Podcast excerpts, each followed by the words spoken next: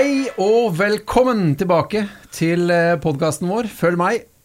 Eh, Her prøver vi etter beste evne å forklare litt, fortelle litt, åpenbare litt om eh, hva det er du opplever å få her på bibelskolen på OKS, og også snakke litt om hva bibelskolen i Norge kan eh, tilby deg. Og det er jo hovedsakelig fordi vi brenner for det. Vi har gått der sjøl. Jeg forandrer livene våre, og jeg er ikke flau for å si at det er et år du absolutt burde få med deg. Og i dagens episode så skal vi snakke litt om romerbrevet, for det er noe som vi underviser om og bruker ganske god tid på her på, på Bibelskolen. Og til å snakke om det, så har jeg fått med Trond Egil Lunde. Oi, yes. Du, Siden du ikke er eh, ennå verdenskjent og verdensberømt bibellærer, kan ikke du bruke to sekunder på Selge meg inn? Ja, for eksempel. Eller forklare litt hvem i all verden er du? Ja, nei, og, og hvorfor i all verden jobber du her på Bibelskolen? Ja. Nei, jeg må jo ha lønn til å betale regninger Ja, hjemme. det altså. Det er, det er som laveste nivå i forhold til å ha seg en jobb i det hele tatt. Nei, eh, ja. eh, jeg er eh, 37 år, gift, to barn. eh, er eh, ansatt i, eh, i menigheten vår også, i kirka her.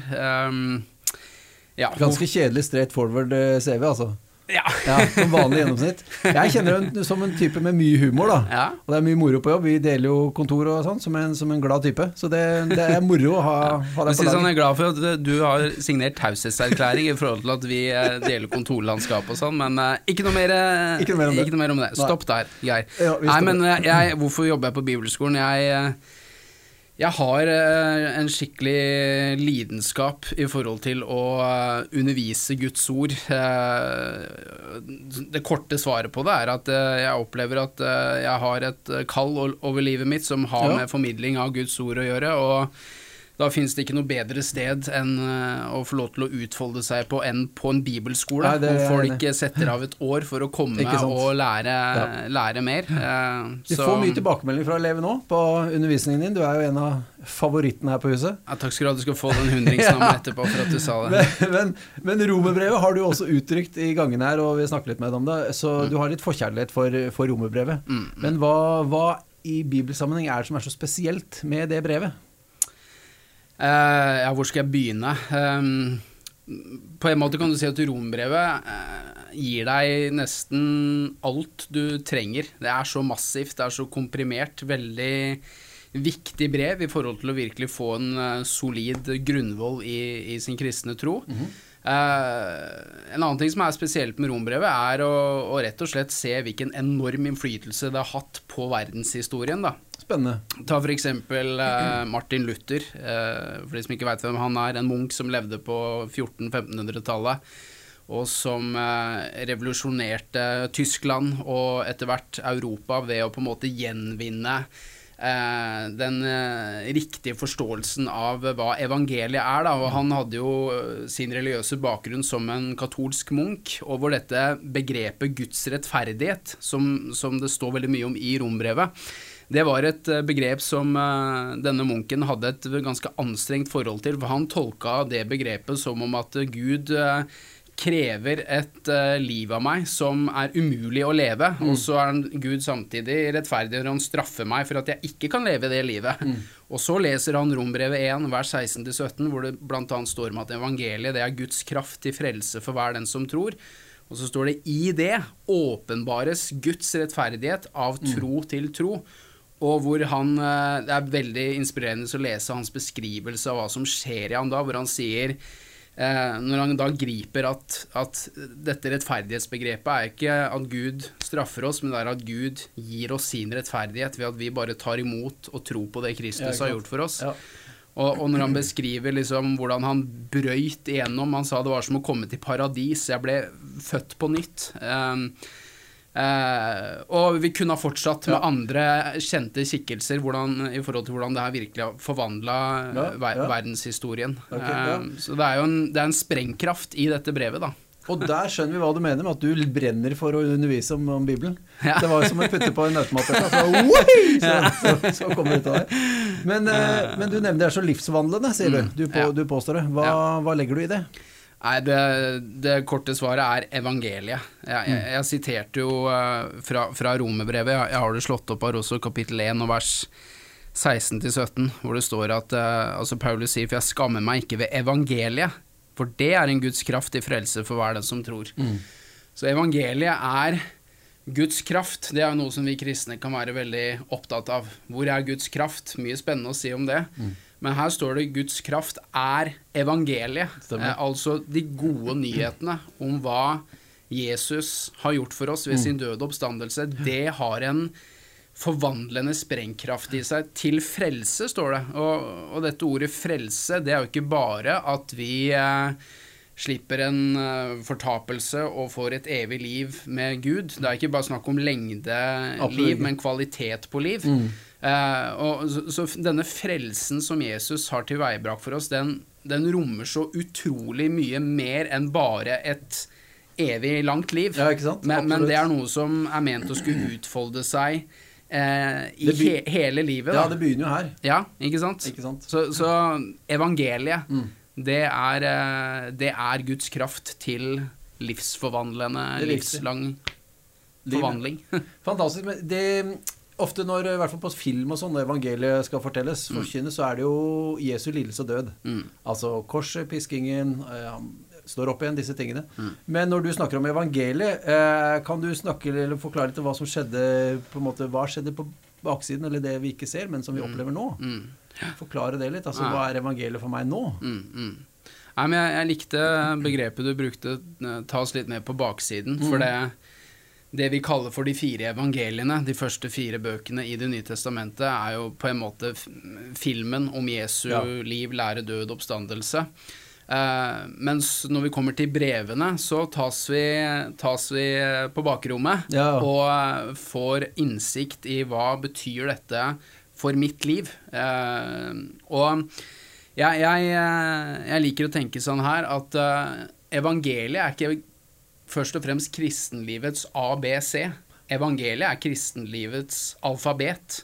Det er ikke bare ABC, det er. D, E, F, G.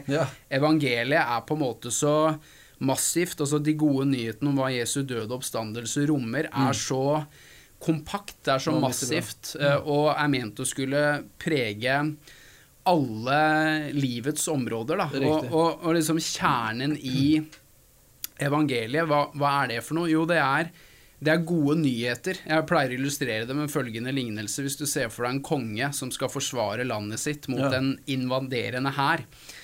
Og så uh, forsvarer han landet sitt, og så uh, er det sånn at uh, denne hæren bryter igjennom. Hva vil kongen gjøre da? Jo, da vil han sende militærrådgivere til hovedstaden, Ja. som sier til befolkningen eh, Vi må kjempe for livet vårt. Ryttere her, bueskytere her. Vi må frelse oss selv. Men hvis kongen leder eh, sin til en seier, så vil ikke kongen sende militærrådgivere. Ja, da vil han sende budbringere med gode nyheter. Ja, er. Som er at eh, vi vant. Eh, bare innrett dere etter det, den freden som er tilveiebrakt for dere. Poeng. Og poenget mitt er at evangeliet, det er gode nyheter. Det er ikke gode råd. Nei, det er ikke ikke gode råd om hva du skal gjøre for å frelse deg selv, men det er gode nyheter Mm. om hva Gud har gjort for å frelse deg, og alt du kan gjøre, det er å respondere. Og det er jo Mm. her vi eksponerer ørene og hjertet for eh, evangeliets budskap, ikke minst i romerbrevet, virkelig forvandler oss, da. Ja, eh, og gjør at vi kan bryte igjennom, Ja. som, eh, som Martin Luther opplevde, da. Nå er jo romerbrevet et sånn passe langt eh, brev, og du på en måte du bør leses hele for å få hele sammenhengen og sånn. Mm. Eh, har du noe råd til den som kanskje ikke les, liker å lese så mye, øh, men allikevel kan få med seg konteksten i hva som skjer i, i rombrevet, Om det er noen kapitler eller andre brever de kan lese i Bibelen som, som sier noe av det samme? Eh, ja, uh, jeg vil jo si at uh, å lese Galaterbrevet eh, vil være til hjelp i forhold til å gripe essensen i, i romerbrevet. Eh, og så tror jeg det bare en sånn enkel ting som å få litt tak på oppbygningen til romerbrevet også, Ja. kan være, være til hjelp i forhold til å orientere seg litt da, og skjønne litt hvor, hvor er jeg nå i, den, i det store, Ja. lange budskapet han har på hjertet. Ja, Hva tenker du på da i forhold til oppbyggingen? Nei, da du- tenker jeg på eh, altså, bare en sånn ting som at uh, romerbrevet er eh, veldig doktrinelt. Ja. det, det vil si fra kapittel 1 til kapittel 12 så er det det er som om han, eh, Paulus er som en vulkan, et oppkomme av doktrine på doktrine. Altså doktrine vil si læresetning. Eh, I romerbrevet er det veldig lite sånne situasjonsbestemte eh, formaninger og veiledninger. Du har noe av det, men du har veldig mye bare lære, lære på lære på lære på lære. Eh, og det, det å liksom få litt tak på hvordan er dette bygd opp. Ja, eh, og det, det må du nesten komme på bibelskolen for, å, for å få tak på, da. Eller kjøpe deg en kommentarbok til rombrevet. Men, men det opplever jeg som en, en nøkkel som Mm. åpner opp denne, dette skriftet på en veldig Ja. herlig måte. Bra, bra, bra.